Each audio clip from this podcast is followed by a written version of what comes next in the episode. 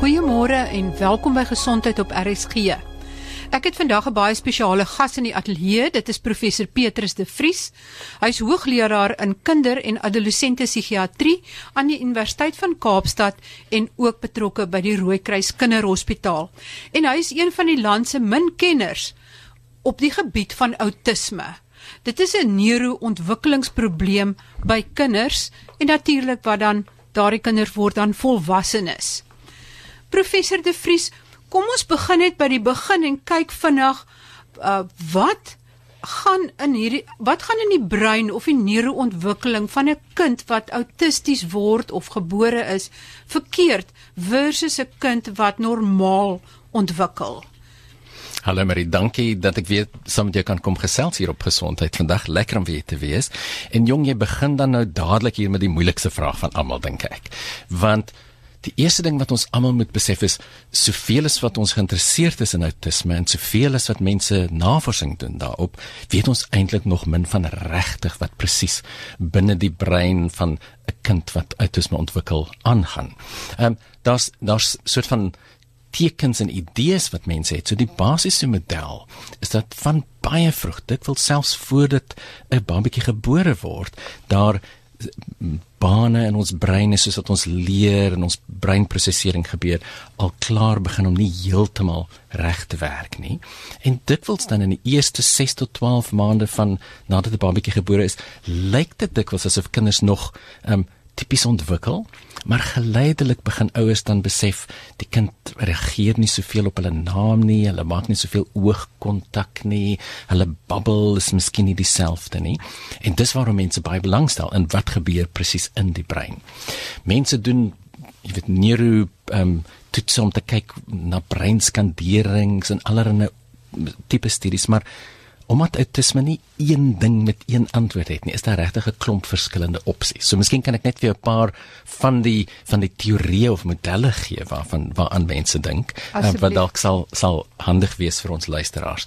Ehm um, so een van die modelle wat mense dink is dat kinders met autisme sukkel met wat ons noem theory of mind. So ek weet nie wat is 'n mooi Afrikaans vir teorie van die van die gedagtes nie.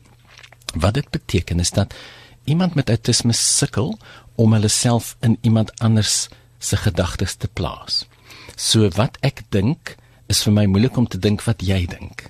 En om om sosiaal te kan verwant te wees aan ander mense en te en hulle te verstaan sosiaal, moet ek 'n idee kan hê van ek dink Marie dink nou iets en dit is ietsie anders as wat ek nou dink in my gedagtes. So dis theory of mind en dis een van die modelle. Dit verklaar nie alles in autisme nie, maar dit kan 'n mens help verstaan hoekom 'n kind met autisme miskien aanneem dat ons verstaan wat hulle dink, want hulle besef nie dat hulle gedagtes is anders as ons gedagtes nie byvoorbeeld.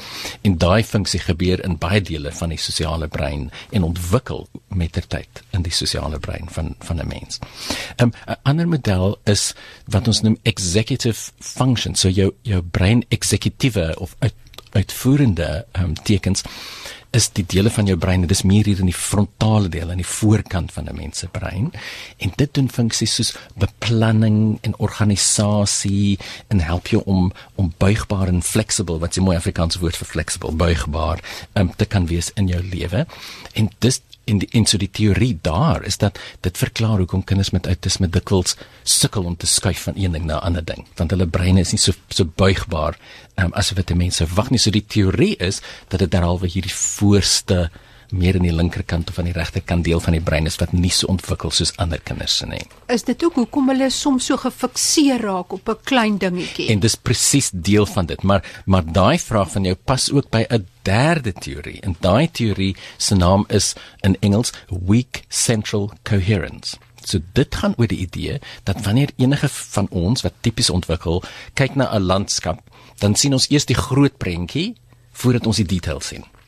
So as jy kyk na 'n foto, gaan jy eers jou man of jou vrou of jou kind se gesig herken. En dan daarna gaan jy sien, o, daarso, daarso so lê 'n chips pakkie daar op die agtergrond baie kinders met autisme fokus eers op die detail voordat hulle op die groot prentjie fokus. So die kind met autisme gaan dalk eers die chips pakkie sien voordat hy gaan sien dis sy pa se gesig of sy ma se gesig of 'n kind met autisme kan dalk in 'n kamer instap en dadelik 'n verskriklike klein detailtjie erns oplet wat die res van ons nie noodwendig eers sal sal waarneem nie. So dis 'n teorie vir waarom kinders met autisme partykeer ongelooflik goed kan wees met byvoorbeeld visuele dinge, met blokkies, met puzzles, met so aan, maar tog mis hulle baie van die groot sosiale dinge um, rondom hulle. So jy kan sien dis 'n teorie, dit maak sin, maar dit verklaar nie alles in autisme nie. En die vierde ene wat baie interessant is en ek dink dis baie belangrik ook vir ons as ons begin dink aan intervensies, is wat ons noem social learning. So daar's 'n teorie van hoe mens leer. Ons leer almal op verskillende maniere, maar meeste kinders, veral as ons baie jonk is. So ek weet nie of jy ma's en pa's is of oumas en oupas is wat luister en hulle 2-jarige of 3-jarige kindertjies by die huis nie. Kinders leer deur ander mense. As jy 'n 2-jarige het by die huis en hulle sien iets, wat hulle gewoonlik gaan doen is hulle gaan optel en dit gaan vir jou bring en sê kyk of hulle gaan dit net vir jou wys.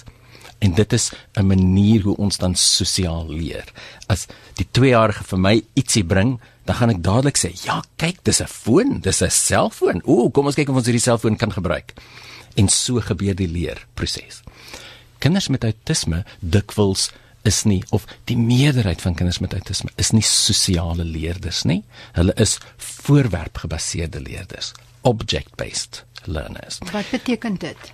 So vir 'n kind met autisme gaan daai selfoon of daai blokkie of daai dingetjie wat hy sien baie meer interessant wees as die persoon wat miskien sit of staan langs daai ding.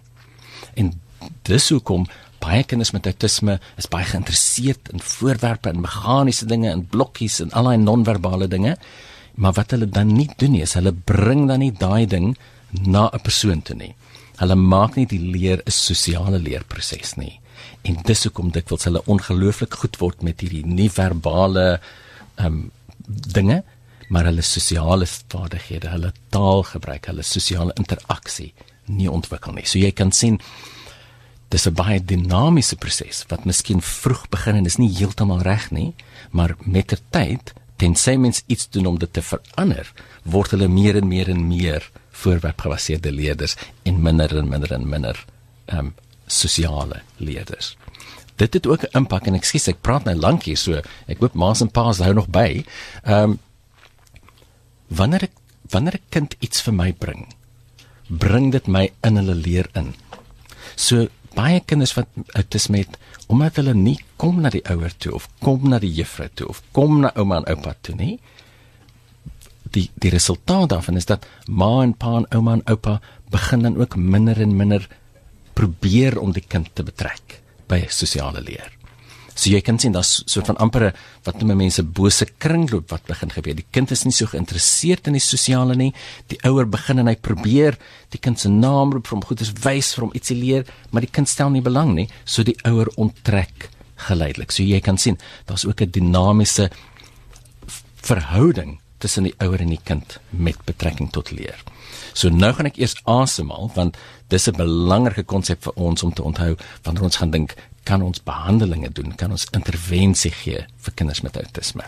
Met ander woorde jy sê die kind begin leef in sy eie wêreld rondom daai voorwerp en dan omdat hy hom bietjie onttrek, begin die ouers sonder dat hulle dit bedoel ook te onttrek. Presies. Dis presies wat gebeur. En dis ook juis waarom die die kontemporêre, die huidige, die nuwe maniere waarop ons probeer om te werk met kinders met autisme is juis die fundamentele beginsel is om die kind terug te bring in die sosiale sirkel met die ouer of die mense rondom hom. En om die ouers en onderwysers en oumas en oupas te leer om te weet in te in te tree in daai sosiale wêreld van die kind. En dit kan soms moeilik wees, maar daar's baie maniere waarop ons dit kan doen. Ons gaan beslis nou nou gesels oor die behandeling en of daar wel behandeling is wat werk of daar behandeling is wat nie werk nie. Maar net voordat ons daarby kom, daar word altyd en nog steeds die vraag gevra oor die uh MM MMR vaksin. Dit is measles, uh rubella en uh pampoentjie in uh, inenting en daar was al hierdie teorieë of hierdie oorspronklike foutiewe uh, joernaal berig of navorsing dat dit eintlik aanleiding gee tot outisme. Maar jy sê daar is nuwe bevindinge op hierdie gebied. Vertel net vinnig vir ons daarvan en hoekom hulle aan die begin gedink het dat dit 'n verband hou. Hm. So kom ek begin by hoekom mense dit so gedink het. Wanneer ons kyk na baie kinders in die wêreld wat autisme het, die patroon waar hulle ontwikkeling van hulle ontwikkeling is dat hulle soos ek vroeër gesê het, hulle lyk of hulle ontwikkel tipies soos ander kinders en dan dikwels hier tussen 18 en 24 maande begin dinge anders lyk. Maanpaal het op, daar's nie woorde wat kom nie of die woordjies wat daar was hou op. Party kinders verloor hulle vaardighede. So ons sien soms hierdie omtrent 'n derde van kinders met autisme hierdie wat ons noem regressiewe subtipe van autisme. So, dis deel van die patroon. Nu die die toevalligheid is dat dit is ook die ouderdom waarop kinders tipies hulle MMR en ander immunisasies kry. So dit was 'n toevallige korrelasie wat mense gesien het en geïnterpreteer het as 'n 'n oorsaak. So ek dink dit is belangrik om die verskil te sien tussen iets wat korreleer en iets wat iets veroorsaak. En dit het gelei tot jare se navorsing om te sien is hierdie um, immunisasies die oorsaak van autisme of was dit 'n toevallige korrelasie as gevolg van die normale patroon? En die die onlangse navorsing waarna jy verwys het is dat 'n jaar of wat gelede het 'n groep omdat dit so aanhoudende storie is en mense bekommerd was daaroor. Vir jy weet verstaanbaar bekommerd was daaroor. Het 'n groep ehm, 'n um, studie gedoen wat al die vorige studies in die wêreld oor MMR vaksinering in verhouding met autisme bymekaar gesit het. So ons noem dit 'n meta-analise en wat hierdie meta-analise gewys het van duisende kinders oral oor die wêreld was dat as jy jou immunisasies kry is jou kans om autisme te ontwikkel eintlik minder as wanneer jy nie geïmmuniseer het nie. So dis presies die teenoorgestelde. En baie mense sou gelees het ook in die selfs in Brittanje en in Swede en ander lande was daar onlangs groot uitbrake van masels. En masels is ook 'n gevaarlike ding. So en dit was as 'n gevolg van die feit dat ouers nie hulle kinders laat immuniseer het nie. So die boodskap regtig waar vir ouers is dat daar is geen wetenskaplike bewyse dat outisme veroorsaak word deur immunisasie nie. As enigs, jy weet, um if anything, hoe sê ons dit mooi in Afrikaans, is dit beskermend teen outisme en ander ontwikkelingstoestande. Ons het al 'n uh, jaar of 2 terug gesels oor die simptome van outisme want baie mense wonder o my my kind vir my oogkontak het hy nou outisme wat is daai net kortliks die hoofsimptome wat mens van moet kennis neem? Seker. En ek dink voordat ek die simptome sê, net 'n waarskuwing, soort van 'n gesondheidswaarskuwing vir almal wat luister daar's nie enige van hierdie dinge wat ek nou gaan noem wat as hulle op sigself alleen in isolasie voorkom beteken iemand het outisme of as hulle nie daar is nie beteken iemand het nie outisme nie. So uh, uh soms word mense baie angstig as hulle hierdie tekens hoor, maar ek gaan maar net 'n breë indruk gee van die tipe dinge waar waarna ons soek. En as ons tyd het kan ons dalk praat oor die van die rooi vlae vir outisme vir iemand wat dalk wil verdere stappe soek. Ehm um, Ons het nou 'n nuwe diagnostiese stelsel wat ons gebruik in in baie lande in die wêreld in Suid-Afrika, die DSM-5. So dis die Amerikaanse psigiatriese assosiasie stelsel. Dis bietjie anders as wat dit was 'n paar jaar gelede, maar ons soek nog vir presies dieselfde dinge. Ons het hulle net bietjie anders gegroepeer. So ons het twee hoofdomeine. Die eerste hoofdomein noem ons um, is 'n domein wat kyk na sosiale affek. So sosiale affek gaan oor die soort van heen en weer van sosiale interaksie. So dit gaan oor, jy weet, um, beurte maak of hoe jy jou oogkontak gebruik en kan jy gesprekke voer en kinders met autisme tipies altyd sukkel met daai heen en weer van sosiale interaksie of dit nou is um, met gesprek of met hulle oë of met hulle gesigte. Die tweede deel van daai domein waarna ons kyk is nie-verbale um, taal. So as 'n kind nie praat nie, laat hulle nog steeds vir ons weet hoe wat hulle wil hê en nie wil hê nie deur hulle nie-verbale kommunikasie, deur hulle um, handgebare en ander tipe dinge. En kinders met autisme dikwels sukkel baie om handgebare of ander tipe um, nie-verbale maniere van kommunikasie te gebruik. En die derde deel van daai eerste hoofdomein van sosiale affek is oor verhoudinge. Kinders met autisme sukkel baie om verhoudinge te skep en te behou want of hulle is nie geïnteresseerd in ander kinders nie of hulle weet nie hoe om geïnteresseerd te wees aan ander kinders nie of hulle is ontoepaslik geïnteresseerd. Jy weet 'n kind met outisme sal ook stap tot by ander kinders en vir hulle kyk maar niks sê nie en dis dis dan 'n ongewone manier van van 'n sosiale benadering maak aan 'n kind. So dis die een hoofdomein. So dis die al die sosiale dele van autisme. Dan aan die ander kant en ons het albei nodig is wat ons noem die stereotipe en herhalende gedrag. Dis die dinge waarvan baie ouers en luisteraars miskien al gehoor het. 'n Kind wat speel met 'n stukkie van die karretjie, draai die wielietjies en spin die wielietjies eerder as om met die karretjie te speel. 'n Kind wat ongewone bewegings maak met hulle hande langs hulle oë en dan kyk of jy weet ander handfladdering of of heel liggaamgebare maak. Ehm um, die tweede deel van hierdie um, stereotype en, en repetitiewe domein is kinders wat baie rigied is. Ons het bietjie gepraat oor rigiditeit. Dinge moet gedoen word op 'n spesifieke manier, 'n spesifieke orde, amper soos van op 'n kompulsiewe um, manier. En as dit nie so gedoen word nie, word hulle baie angstig of baie kwaad.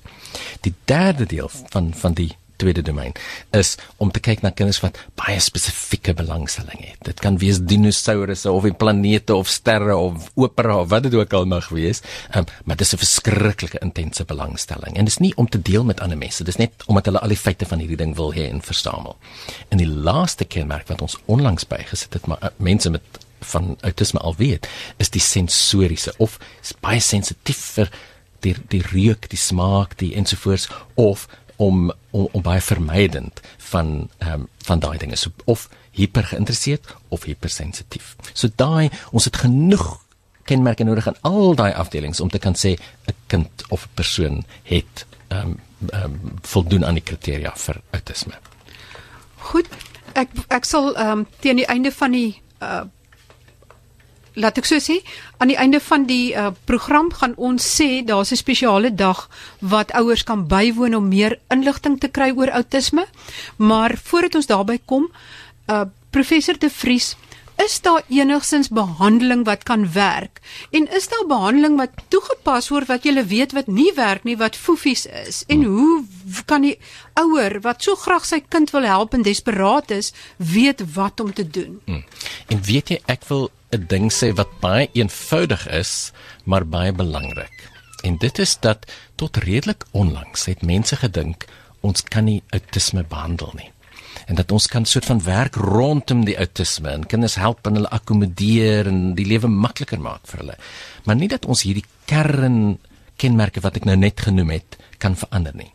En die antwoord en as die luisteraars niks anders onthou as dit nie, is dat ons kan daai kernaspekte van autisme verander. Ons kan hulle verbeter en ons kan in baie gevalle baie van hierdie kenmerke laat verdwyn. En die belangrikheid daarvan is hoe vroeër ons begin, hoe beter.